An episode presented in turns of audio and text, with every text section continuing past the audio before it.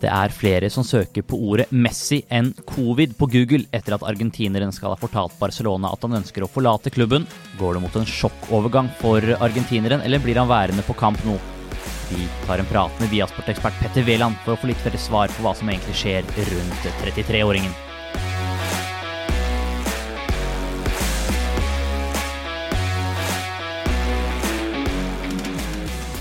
Ja, på tirsdag må man kunne si at uh, bomben uh, smalt i fotballverden. Vi har hentet inn vi uh, ypperste ekspert på spansk fotball. Petter Wæland, velkommen. Takk. Hvordan har de siste dagene vært? De har vært hektiske.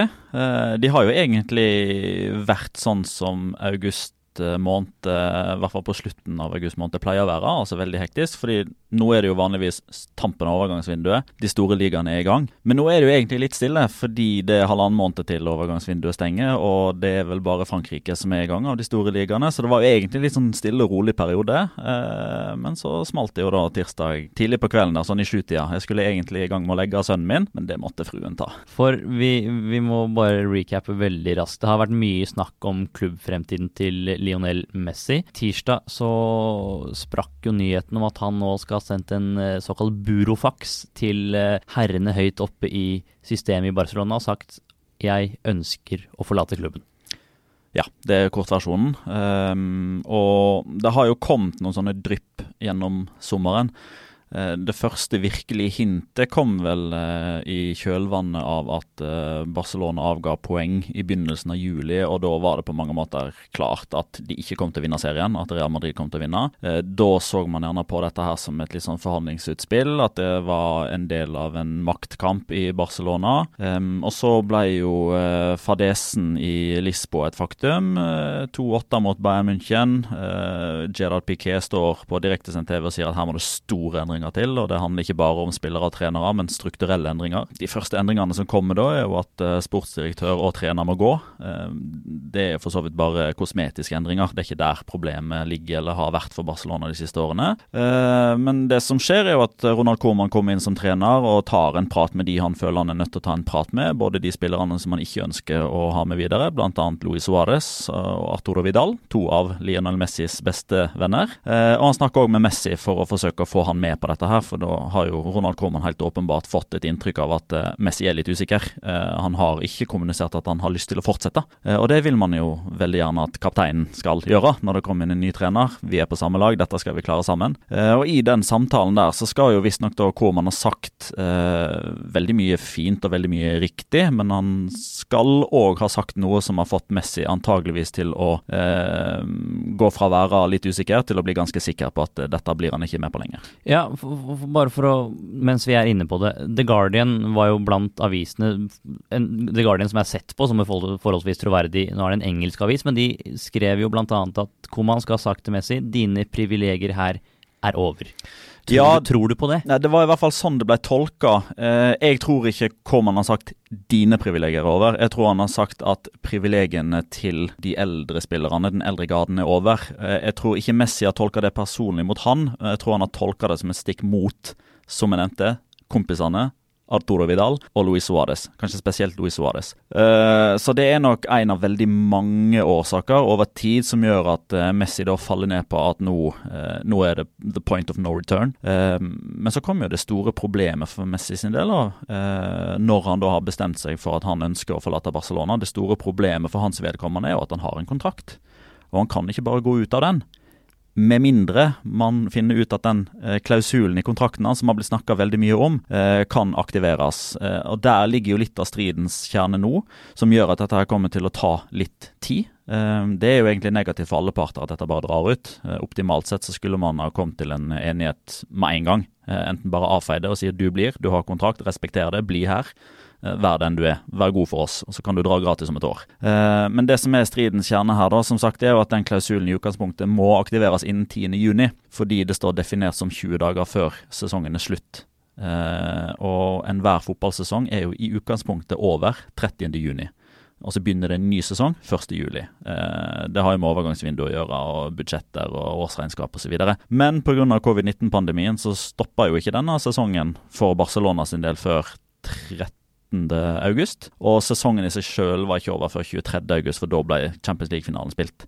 Eh, så Messi sine menn, agenter, representanter, mener jo at eh, på bakgrunn av at sesongen i seg sjøl ble forlenga, så bør òg denne fristen til å gi beskjed om at man ønsker å aktivere klausulen, òg bli forlenga. Der er Barcelona helt uenig. Da, da, har vi litt av teppet for hva, hva, som har skjedd og hvorfor saken er som den er. En annen sentral person i det her, Petter, er jo Josep Maria Bartomeu, Barcelona-president, som eh, det har blitt ryktet at Lionel Messi ikke ønsker skal være president. Tror du nå at hvis Bartomeu trekker seg, er det ensbetydende med at Lionel Messi blir værende i Barcelona? Nei, det tror jeg ikke. Eh, Barcelona-fansen skulle nok ønske at det var så enkelt at det var Bartomeo eller Messi. Eh, hvis den ene går, så blir den andre. Men du skal ikke se bort ifra at begge faktisk ender opp med å dra, eh, og så er man per definisjon like langt. For det som er Altså, jeg, jeg tror ikke Messi eh, rent personlig har veldig mye mot personen Bartomeo. Eh, jeg tror ikke de har et sånn eh, forhold der man ikke klarer å se hverandre inn i øynene eller ikke prate sammen. Eh, dette er et kall det profesjonelt forhold som har gått surt over tid. Bartomeo er jo presidenten i Barcelona med de privilegier og positive sider det har med seg, men det har òg sine negative konsekvenser. Det er jo at han blir på mange måter stilt til ansvar for det en hel klubb bestemmer. Eh, han, han, leder jo et styre som består av 17 mann. Det er et demokratisk styre. Man stemmer over alle avgjørelser. Eh, og så kan man absolutt argumentere for at eh, Bartomeo har selvfølgelig mer makt enn de 16 andre, fordi han er president. Han har dobbeltstemmer hvis, hvis man ikke klarer å komme til enighet. Han kan trumfe gjennom saker i form av å være president og den som er høyest i hierarkiet. Men eh, det som er jeg, det som gjør at det ikke blir en løsning i seg selv ved at Bartomeo trekker seg, det er jo at Resten av styret blir jo da sittende. Eh, og som jeg er inne på her nå, så er det ikke sånn at det er Bartomeo som har valgt den retninga klubben har tatt på egen hånd. Det er ikke han som har trumfa gjennom alt eh, av avgjørelser og overgangsbudsjetter og overganger som har blitt slått feil, og Qatar Airways og alle disse tingene som Barcelona-supporterne er misfornøyd med. Det står ikke ene alene på han.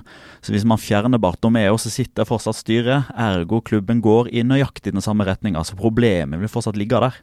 Som taler for at Messi kommer til å forlate klubben. Nettopp. Eh, det taler for at man løser ikke dette problemet ved bare å fjerne Bartomeo. Jeg tror man må fjerne hele styret. Eh, men der ligger det en enorm stor hekk som Barcelona-styret ikke er villig til å forsere. Eh, og jeg tror ikke det handler om at de ikke eh, sånn per definisjon ønsker det beste for klubben. Jeg tror ikke det er noen i Barcelona-styret som ønsker at Messi skal dra, og de tenker at ja, men hvis jeg blir sittende, så får jeg det som, de, som jeg vil. Dette handler om en eh, veldig uheldig konsekvens eh, av hva som står i statuttene til fotballklubb Barcelona. Eh, som tilsier at eh, det sittende styret til enhver tid er ansvarlig for økonomien i klubben. Fordi man er per definisjon tillitsvalgt. Eh, Barcelona er en medlemsstyrt klubb som velger president, og, som har et sett med regler som man må forholde seg til hele tida.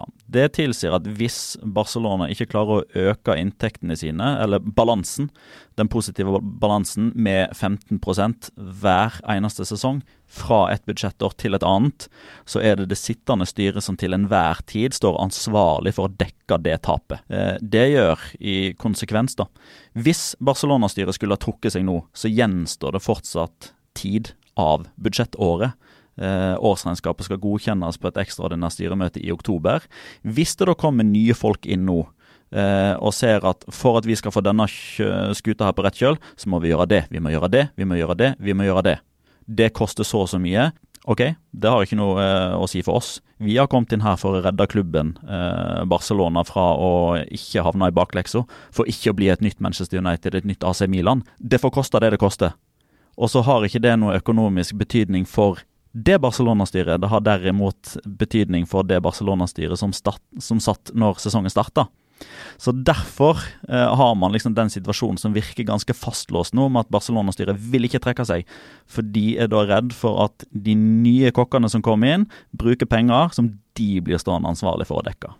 Det er et uh, poeng som ikke er like godt kjent, og som på mange måter styrker teorien om at så lenge Bartomeo forsvinner, så er ikke det ensbetydende med at Messi blir værende. Um, nå har vi snakket en del om situasjonen i, i Barcelona, men det er veldig mange andre nå lurer jo på er hvilke klubber i verden skal ha råd til først å kjøpe Lionel Messi, men deretter å lønne Lionel Messi. Um, mange store klubber har blitt koblet til ham, naturlig nok, som store klubber blir når store spillere er uh, visstnok på klubbjakt. Hvilke klubber ser du på som aktuelle for Lionel Messi hvis han forlater Barcelona? Det er jo ikke så veldig mange, da. Eh, og det er jo av eh, altså kombinasjon økonomi og ambisjon. Eh, Messi har jo veldig ofte vært tydelig på at uh, det er ikke pengene som driver han. Eh, det er ikke derfor han signerer nye kontrakter osv. Så, videre. så Så klart så tar man jo naturligvis imot så mye lønn som overhodet mulig. Uh, jeg er blant de som er fremst i køen uh, hva angår forståelse for at fotballspillere har lyst til å tjene mest mulig. De har en karriere som varer i maks 20 år.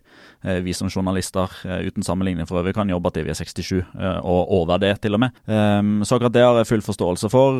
og men samtidig så har han vært veldig klar på at det som betyr noe for han er liksom prosjektet, de sportslige ambisjonene. At klubben han spiller for er ambisiøs. og og vise at man har de ambisjonene. Eh, og Det er òg en av årsakene til at Messi er misfornøyd med tingenes tilstand i Barcelona nå. Han føler at man eh, ikke viser ting, verken innad eller utad, eh, som beviser overfor han at de er ambisiøse. Så økonomi og ambisjon, hvis man slår sammen de to, så er det jo i utgangspunktet to klubber som utkrystalliserer seg litt. Det er jo Manchester City, og det er PSG. Eh, så kan man ta med Manchester United, så kan man ta med Inter. Eh, for å være litt tabloid, så tar man òg med Real Madrid. Jeg tror ikke noe på det, men det sa man heller om eh, Luis Figo i 2000. Han går aldri til Real Madrid, sa de. Han gikk til Real Madrid. Juventus og Ronaldo, det, sitter det for langt inne å skulle spille på samme lag med Cristiano Ronaldo? Eh, hvis eh, Juventus skulle ha tatt seg råd til å ha både Cristiano Ronaldo og Lionel Messi, så tror jeg det hadde vært to mot elleve i første Serie A-kamp. det tror jeg rett og slett ikke de har handlingsrom til. Ok, men Da tar vi utgangspunkt i de klubbene du ser på som mest aktuelle. Det er spesielt ett lag i Manchester som har utkrystallisert seg både pga. økonomiske midler, men kanskje først og fremst pga. den spanske linken. Både i høyere opp i systemet der, men også Pep Guardiola, som hadde Messi i Barcelona. Mm. Hvor, hvor, godt er det trumfkortet eh, City har med de personene når Lionel Messi skal eventuelt velge ny klubb? Det er jo et S i ermet. Det er definitivt et et, veldig viktig kort. Potensielt helt avgjørende. Eh, fordi Messi har jo alltid blitt sett på som den litt sånn sjenerte gutten som ikke gjør eh, noe som helst av seg før han knyter på seg fotballskoene og går ut på et gressteppe. og trivselsfaktor og det å føle seg trygg på ting, kanskje spesielt hvis han drar til Eh, en engelsk klubb. For han, uh, han, har jo ikke vist noe utad som viser at han håndterer engelsk på en måte som gjør at det ikke blir litt sånn ukomfortabelt og ubekvemt, i hvert fall i starten. Uh, og det å ha personer rundt seg i en eventuelt ny klubb som tar han inn under vingene, der det på mange måter er en naturlig link fra før av, tror jeg blir veldig viktig. Du nevner Pep, du, vi nevner Ferran Soriano, Chiqui Begristein.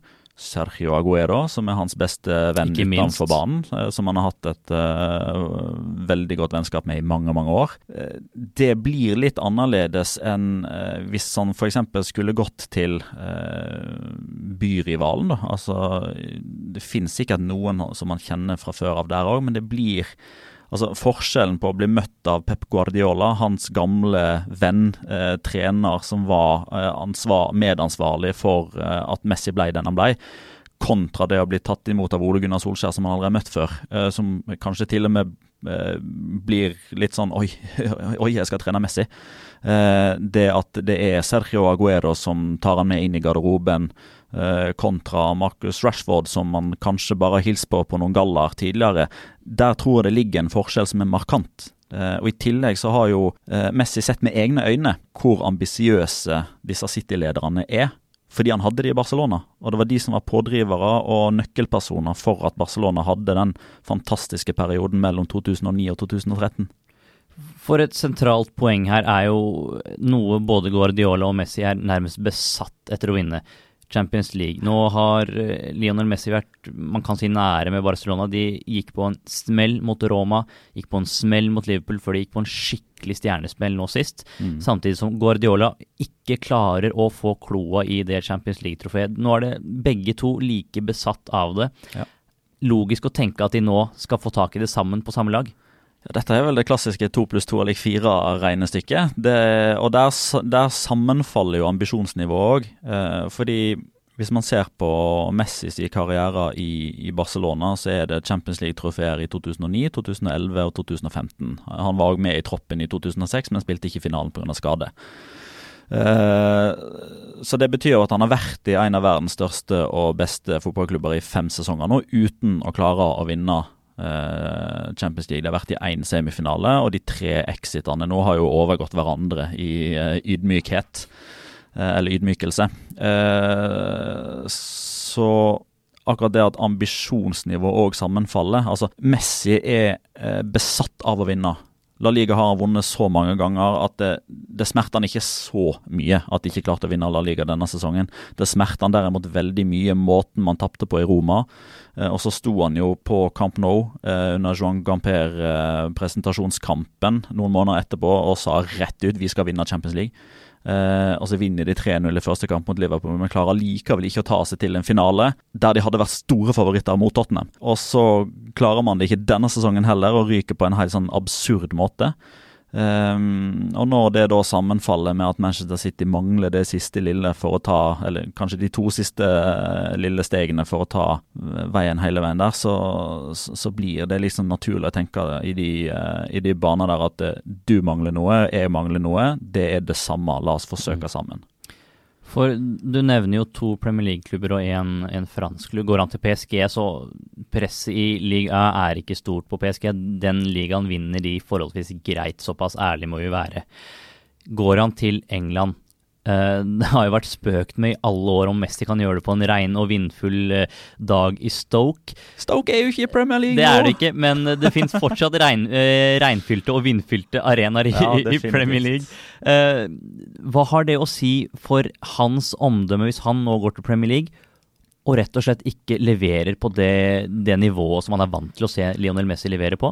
Um, er interessant tankesett vi er på vei inn her nå. Uh, altså Jeg mener jo at eh, altså fra det øyeblikket Lionel Messi debuterte på A-laget til eh, Barcelona og fram til i dag, alt det han har gjort for Barcelona Vi kan godt ta med det argentinske landslaget òg, selv om noen mener at eh, det ikke er perfekt fordi han ikke har vunnet VM ennå. Altså, han har gjort det som er mulig å gjøre for Argentina for at de skal vinne VM. Han kan ikke fjernstyre Gonzalo Higuain alene med keeper. Det kan han. han kan derimot slå ballen gjennom, men det lyktes ikke da i 2014. Eh, eh, og så har man jo eh, det faktum at eh, presse, engelske supportere, tribunestemning, benter, eh, markedskreftene til engelsk fotball, måten de kan sette agenda og egentlig snu meninger på. Da har de enorm makt. Det bruker de på positiv måte iblant, de bruker det på, neg på, på negativt eh, sett iblant skal ikke helt se bort ifra at den markedsmakten der og de markedskreftene der faktisk kan være så store at dersom Messi går til Premier League og ikke lyktes der, så kan egentlig hele ettermælet hans få seg en knekk. Eh, jeg vil jo stå på barrikadene eh, så langt jeg kan gjøre for å snakke imot alle sånne mulige teorier, fordi eh, det går liksom ikke an å Altså, dette begrepet fotball er ferskvare, det er jeg på mange måter fan av sjøl, men det får være grenser. Men når det er sagt, da, jeg tror han lykkes der, hvis han, hvis han, drar dit. Men det er på mange måter en form for gambling å dra fra trygge rammer, kanskje de tryggeste rammene han noen gang kan ha i Spania, til en fremmed kultur, en fremmed liga og et, et, apparat og system rundt som han kanskje ikke har like god kontroll over som i Spania?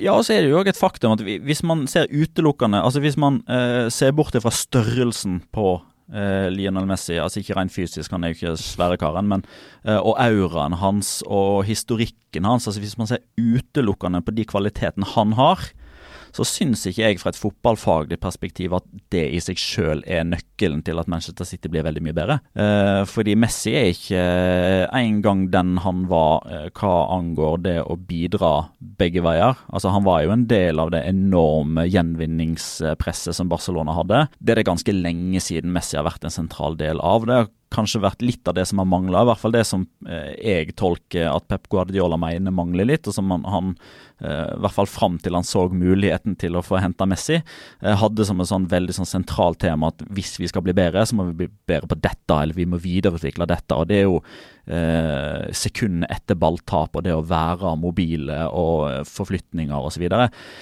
Det skurrer jo litt med de kvalitetene Messi har, men så, så har dere jo Messi andre ting som gjør at eh, det regnestykket går eh, i pluss allikevel, eh, ut fra et fotballfaglig perspektiv.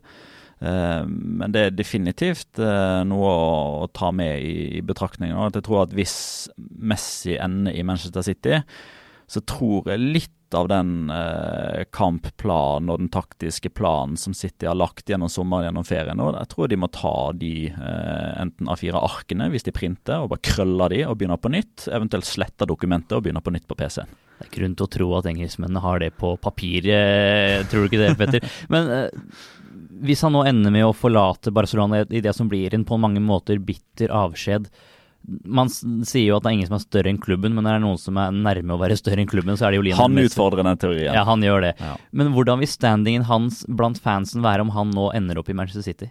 Akkurat nå, og i kall det den nærmeste tida etter en eventuell overgang fra, fra Barcelona, så tror jeg at eh, 90-95% av alle Barcelona-supportere retter alle sine negative tanker mot styret og Bartomeo, som blir navngitt eh, i så måte. Eh, og Det kan jeg godt forstå, fordi det er veldig mange Barcelona-supportere som er fortsatt er litt sånn romantikere, som fortsatt henger litt igjen i den eh, spillet uten sponsor på drakta, betaler Unicef for å få lov til å eh, ha deres logo eh, Mescon-klubb og alt det der. Altså, De gjorde enormt mye riktig, og det sammenfalt med en enorm sportslig suksess på banen, som gjorde at hele fotballklubben Barcelona ble liksom opphøyd, og veldig mange supportere av klubben eh, dro nytte av det med å fortelle disse historiene, at de var så stolte av Barcelona osv. Så, videre. så har jo de sett hvordan ting har forandra seg eh, på et negativt søkelys, og den som alltid har vært i klubben, er Messi. Eh, altså du, og, og, så kan man ta med Piquet, men han kom liksom Eh, enda litt seinere. Han var i Manchester United, han var i Real Saragossa, så han har ikke vært der like lenge. Messi er den som har vært der lengst. Eh, Chavi har forsvunnet, Iniesta har forsvunnet. Messi blir liksom den siste store som eventuelt forlater klubben. Og jeg tror veldig mange Barcelona-supportere forbinder sitt eh, lidenskapelige forhold til det som skjer på Camp Nou, mer til Messi enn til Barcelona som klubb mm. akkurat nå, på mm. bakgrunn av alt som skjer utenfor banen. Uh, så jeg tror veldig mange kommer til å rette skytset sitt mot uh, styret, og kommer egentlig til å ha forståelse for uh, avgjørelsen til Messi. Det jeg derimot lurer på, er hva slags tankesett som utvikler seg etter hvert som man ser Messi i en annen drakt. Hva slags følelser trigger det? Blir man på mange måter mer Messi-fans og blir med på turen til Manchester City og ønsker i større grad at Messi skal lykkes, enn at fotballklubb Barcelona skal lykkes. Eh, det er jo noe jeg er spent på å se, fordi man, man så jo bl.a. på både publikumstallene, eh, på antall interaksjoner på sosiale medier, følgere osv. Den sank markant i Real Madrid når Cristiano Ronaldo forsvant.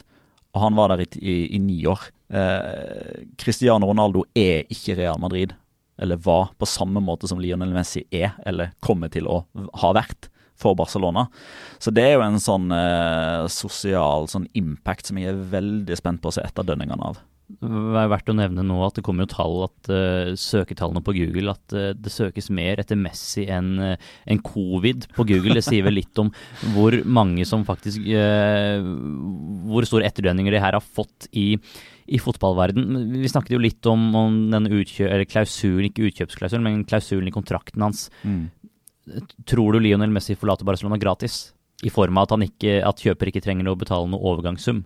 Nei, uh, det tror jeg ikke. Jeg utelukker det ikke. Men jeg har jo eh, Altså Det kan godt hende utad, og der kan jeg strekke armene i været og si at jeg tok feil. Jeg, jeg, har liksom alltid trodd at Messi kom til å avslutte karrieren i Barcelona. Eh, og Det er sånn type, ja, det, det, tror jeg rett og slett ikke før jeg får se det. Før han står i, eh, i en annen by med en annen drakt med en trener ved siden av, som ikke er Ronald Koeman i dette tilfellet.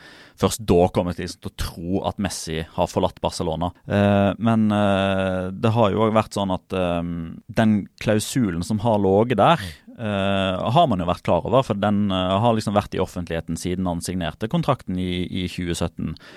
Men samtidig så har man jo alltid vært klar over at den fristen har gått ut denne sommeren her. Og så har man eh, egentlig aldri sett for seg at det at sesongen ble forlenget hadde noe å si der, fordi det man kan relatere det til, er jo de vanlige spillerkontraktene. Uh, som, uh, altså Alle som var på utgående kontrakt i 2019-2020-sesongen, hadde jo 30.6.2020 som en sluttdato. Og Der strakk Fifa mer eller mindre armene i været og sa at dette kan ikke vi gå inn og bestemme på generelt grunnlag. Det må bli opp til spilleren og klubben om de blir enige. Skal leieavtalen forlenges med fire uker? Eh, skal Coutinho tilbake til Barcelona 1.7, eller skal han fullføre leieoppholdet i Bayern München og bli dit til 23.8? Der strakk Fifa armene i været og sa at dette får bli opp til klubbene og til spillerne. Og På samme måte så tenker man jo nå at eh, Fifa heller ikke kommer til å blande seg inn, med mindre man er nødt til det hvis med mindre Barcelona og Messi ikke kommer til enighet, og bustene fyker og det blir advokatmat, da, da må Fifa inn.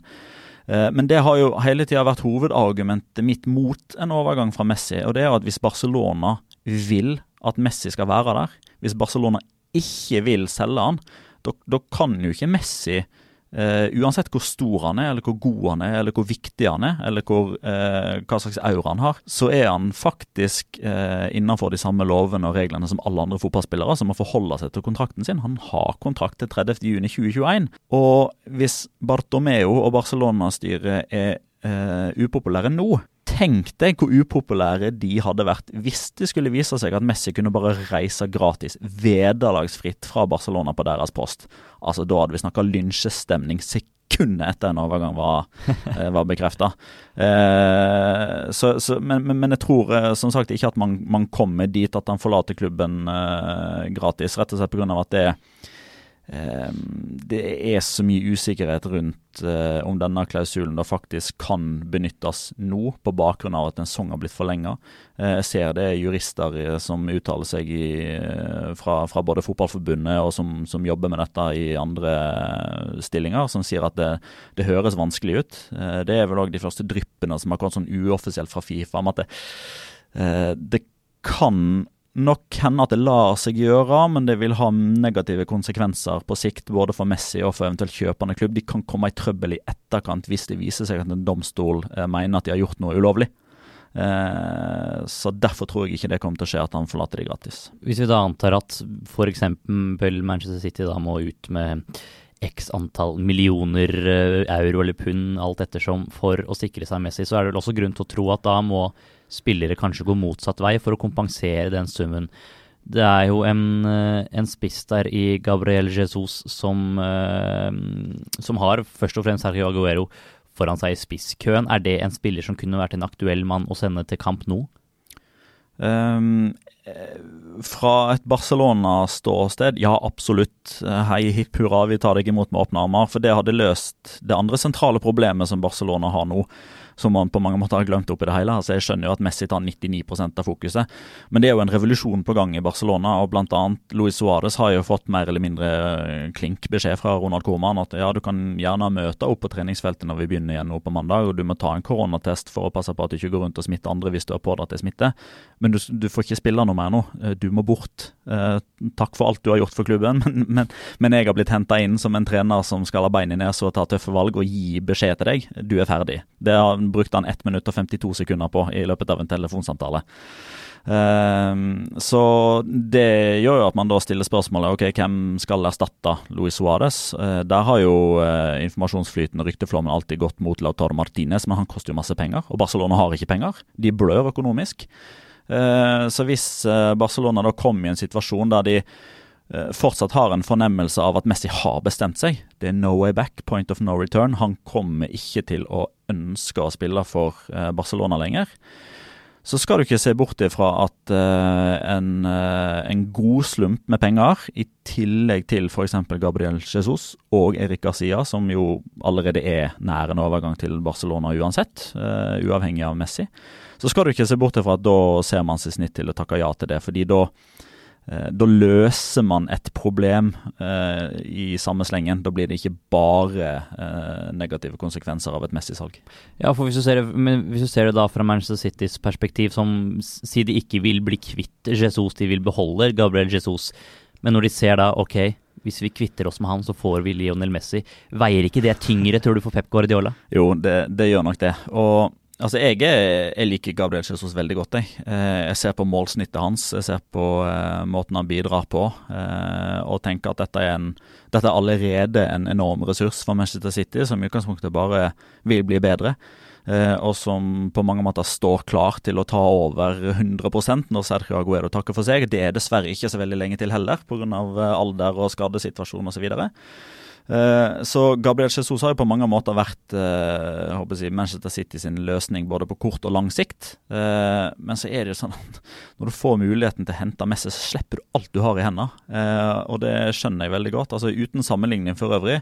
da Manuel Pellegrini signerte for Real Madrid i 2009 så var jo han en mann som var på vei opp og fram. Han har gjort det veldig bra i, i Villarreal, eh, og han hadde et veldig stort trenernavn eh, på akkurat den perioden. Man analyserte seg fram til at han hadde de riktige verdiene, de riktige taktiske grepene for å få Real Madrid til å kjempe. Uh, og han satte poengrekord for Real Madrid. Ingen Real Madrid-trener hadde tatt flere poeng noensinne. Uh, så ble det lite ripa i lakken ved at Barcelona tok ett poeng mer, og dermed så ble de nummer to. Eh, men de hadde jo tenkt å fortsette med Manuel Pellegrini, for den starten han hadde hatt, var såpass bra. Men så ble José Mourinho ledig. Snakkes, Pellegrini! Så det er bare sånn Så eh, enormt kynisk kan fotballen være en gang iblant. At når man ser at den, de faktisk har muligheten til å hente Lionel Messi Om de så må ofre Gabriel Jesus, ok greit, da pakker de kofferten foran og sender han på første fly. Helt til, til slutt uh, hva angår Lionel Messi. Da. Nå uh, koker det jo i, på nettet, ikke i sosiale medier, det koker på nettet, på internett. Mm. Og mange leker seg nå med å plassere hodet hans på ulike drakter. Nå er det jo faktisk en reell mulighet for at vi får se Lionel Messi i noe annet enn Barcelona-drakt når han mm. spiller klubbfotball. Har du lekt, om ikke lekt med tanken, har du hatt mareritt om den tanken å se han i f.eks. en lyseblå Manchester City-drakt med ett i halv på? Altså, det er plusser og minuser med alt her i livet. Eh, og jeg er jo en type som liker å se muligheter mer enn konsekvenser. Eh, fra et fotballfaglig perspektiv så hadde det vært gøy å se han et annet sted. Rett og slett for å få svaret på om han klarer å gjenskape suksessen et annet sted. Det er jo noe som har blitt eh, brukt litt imot Messi, at eh, ja, men han har vært i komfortsonen og den ene klubben hele tida. Eh, mens eh, Diego Maradona i sin tid var i flere forskjellige klubber. Cristiano Ronaldo har gjort det i både England, Italia og Spania. Mens Messi hermetegn bare har gjort det i den ene klubben. Så fra et fotballfaglig perspektiv så hadde det naturligvis vært spennende å se hvordan han hadde klart seg et annet sted. Eh, men jeg må jo innrømme at jeg har hele tida heia på en sånn eh, one club man-greia her. Eh, det hadde vært noe sånn Det hadde vært ekstra eh, stort, tror jeg, når man så tilbake på fotballhistorien om 50 år, at Messi han var bare i den ene klubben. Han var liksom den siste bastion i den moderne fotballen som bare blei eh, Han var skomakeren som blei ved sin lest hele tida. Jeg tror det hadde vært eh, en veldig fin essens i boka om Messi. Um, så basert på det, og det faktum at uh, Messi har jo vært uh, altså i hermetegn uh, min hele veien, i form av hva slags liga jeg jobber med og fulgt tett osv. Det er jo liksom La Liga som har vært min greie gjennom alle journalistiske og hobbyiske fotballår. Så jeg må jo innrømme at de første 90 minuttene Messi spiller for en annen klubb, så kommer øynene mine til å blø. Men så tar det fotballfaglige perspektivet over. Vi eh, avslutter Messi-spesialen. Eh, en god halvtime med skikkelig Messi-prat. Det er jo dette her folk snakker om eh, for tida. Vi har jo en overgangslive som du har vært gjest i tidligere, Petter. Vi har jo bedt folk eh, stille litt spørsmål om de har noe de lurer på om spansk fotball, og det har jo folk gjort, selvfølgelig. Eh, vi kan ta med en tre-fire spørsmål. Vi begynner, vi begynner fra mm, et spørsmål fra Jonas Hvor mye tid vil eh, Martin Ødegaard få i Real Madrid? Og om han ikke leverer på realnivå denne sesongen, vil han da være en del av planen også neste sesong? Um, for å ta det første spørsmålet først, så tror jeg det er si, bedre muligheter i 2020-2021-sesongen eh, enn egentlig alle andre sesonger sånn på generelt grunnlag. Altså Hvis man, eh, hvis man, fjerner navn, hvis man fjerner kvaliteter, men bare tar det faktum at Real Madrid har x antall spillere som skal prestere for de gjennom denne sesongen, så tror jeg at spilletida blir jevnere fordelt. Rett og slett pga. at sesongen starter senere, den avsluttes tidligere, og det skal spilles like mange kamper. Ergo kampbelastninga må Uh, fordeles jevnt, eller jevnere over. Jeg tror ikke det er sånn at Zidane kommer til å velge sin elver og så spiller de hele tida. Da blir de utbrent, og det er større sjanse for skader osv. Så, videre. så det, det i seg sjøl taler for at eh, jeg, uh, de, de, som er nummer 12, 13, 14, 15, 16 i køen, kommer antageligvis til å spille mer kommende sesong enn i en hermetegn normal sesong. Uh, og så er jo uh, altså Rapportene tilsier at det er Zidane som har bedt sjøl om at Ødegaard kommer tilbake igjen eh, som en konsekvens av covid-19-pandemien som gjør at man ikke kan eh, f.eks. legge masse penger i potten for å hente Paul Pogba eller Kamavinga eller hvem det nå skulle være. Det kommer ikke en stor signering til Real Madrid denne sesongen. Skal de fornye seg eller forbedre seg, så må de bruke noen av disse mange leiesoldatene som de har rundt om. Og da har Zidane visstnok bedt primært om Ødegaard. Det tilsier jo at han er tiltenkt en viss rolle. Eh, jeg tror på ingen måte vi skal ha forhåpninger om at eh, Ødegaard starter de første ti La Liga-kampene mens Kroos eller Modric eh, sitter og hviler seg. Det tror jeg ikke. Men han har jo vist tidvis i La Liga at det nivået har han inne, og vel så det. Spesielt høstsesongen for det, altså, så det var helt strålende. Um, over til det andre så blir det, det blir ekstremt hypotetisk. Men uh, det er jo noe man har uh, hatt som en litt sånn uh, potensiell negativ faktor rundt det faktum å være Real Madrid-spiller. Det er jo at tålmodigheten der er jo ikke all verdens. hvis du ikke tar nivået ganske umiddelbart, eller viser med veldig jevne mellomrom at du faktisk har noe der å gjøre, Eh, så er ikke de fremmed for å, eh, for å selge f.eks. Martin Ødegaard om et år, hvis det viser seg at han ikke står til forventningene. Altså, det er et valg som Real Madrid tar uten å blunke. All right, det var uh, Martin Ødegaard. Vi beveger oss til et spørsmål fra Anders, som ser at Pau Torres kobles til Manchester United. Han lurer på hva slags spillertype han er, og hvordan han hadde passet inn i stilen til Ole Gunnar Solskjær. Jeg har sett i ryktene, har riktignok avtatt litt, uh, grann, men det kan jo være enkle mekanismer bak det. Altså, For inntil en uke siden så virker det som at uh, alle kluter ble satt til på Jayden Sancho, og det er liksom eh, begrensa hvor mange hatter man kan ha i lufta samtidig. Eh, eller eventuelt så er det baller som er i lufta og hatter på hodet, for å bruke riktig begrep. Eh, han er en eh, veldig lovende midtstopper. Han er født i 99, hvis jeg ikke husker helt feil. Debuterte på det spanske landslaget i 2019, og var jo en del av et av de store overraskelseslagene i La Liga forrige sesong. Villarreal ble nummer, nummer seks. Uh, og skal spille Europa League kommende sesong. Fem ble, ble det faktisk. Uh, veldig spillende stopper, venstrebeint. Uh, og ifølge alle som spør meg på Twitter som har United-emblem, så er det venstrebeintstopper de trenger. Så det er jo åpenbart at behovet Manchester United åpenbart har, sammenfaller jo med de kvalitetene han har. han er atletisk, han er bra fysisk har selvfølgelig ting å, å, utvikle seg på videre, med tanke på å lese spill og når skal han gå i duell, når skal han falle av, eh, sette offside-linja. Men jeg tror Pau Torres kan være en enormt eh, bra investering for framtida for Manchester United hvis han blir skolert riktig, hvis han har en, eh, en makker ved siden av som som kan være en leder, og som tar det eh, lederansvaret. Jeg tror ikke Pau Torres går rett inn i Manchester United-forsvaret og er helt konge fra dag én og tar ansvar og styrer og dirigerer. Det man lærer seg til etter hvert med tida, hvis han havner på eh, Old Trafford, men i utgangspunktet en uh, uhyre spennende spiller. Spennende Eh, attest det for uh, Pau Torres og spennende for Manchester United-fansen, som kanskje nå håper ekstra på en, en overgang til, til, Old Trafford. Vi skal ta helt til slutt. Ja, Bare for å sammenligne ja. med en eh, altså De har jo vært og fiska i El Madrigal-dammen før og henta Erik Bailly. Mm. Pau Torres mye bedre, mye større potensial. Så en bedre signering vil være enn da de hentet Erik Bailly? Ja, og dyrere. Du vil jo også kanskje være en, eh, en fin mann da ha ved siden av Harry Maguire, som er kaptein, er den talismanen United uh, har bak der, og ha han til å veilede ham. Eventuelt eh, i nytt land, ny kultur og, og, og ny klubb. Ja, absolutt. Uh, som nevnt, disse lederegenskapene som bør være ved siden av. For jeg tipper hvis Pau Torres kommer til en ny liga nå, fortsatt ung og fersk Han har jo ikke spilt mer enn 35 kamper i, i La Liga. Han har ikke mer enn én sesong bak seg i en topp fem-liga. Så han har jo åpenbart ting å lære òg. Så han kommer nok til å havne i situasjoner der eh, ja, der håper jeg, stoppermakkeren må komme inn og, og, og redde han da, og jeg håper jeg, betale kausjon. Helt til slutt, eh, Petter. Vi tar med siste spørsmål om eh, Thomas Partey har jo vært koblet til Arsenal lenge. Uh, en leser er det vel i, i liven som spør at han kunne ha sett en håndfull kamper, men at han virker som han er helt der oppe blant de defensive midtbanespillerne, spesielt hvis man baserer seg på denne sesongen, som da er forrige sesong.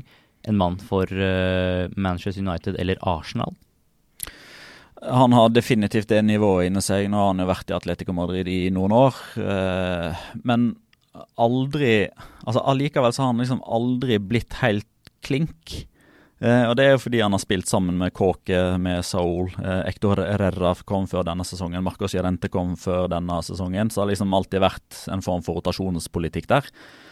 Men jeg syns jo eh, da Atletico Madrid røyk ut mot eh, Leipzig i kvartfinalen av Champions League for en eh, knapp måned tilbake igjen, da spilte jo ikke Thomas Partey. Eh, han var usikker etter kamp pga. muskelskade og ble sittende på benken gjennom hele kampen. og Da ble det i hvert fall i mine øyne veldig klart i løpet av de minuttene der hva Atletico Madrid mangla.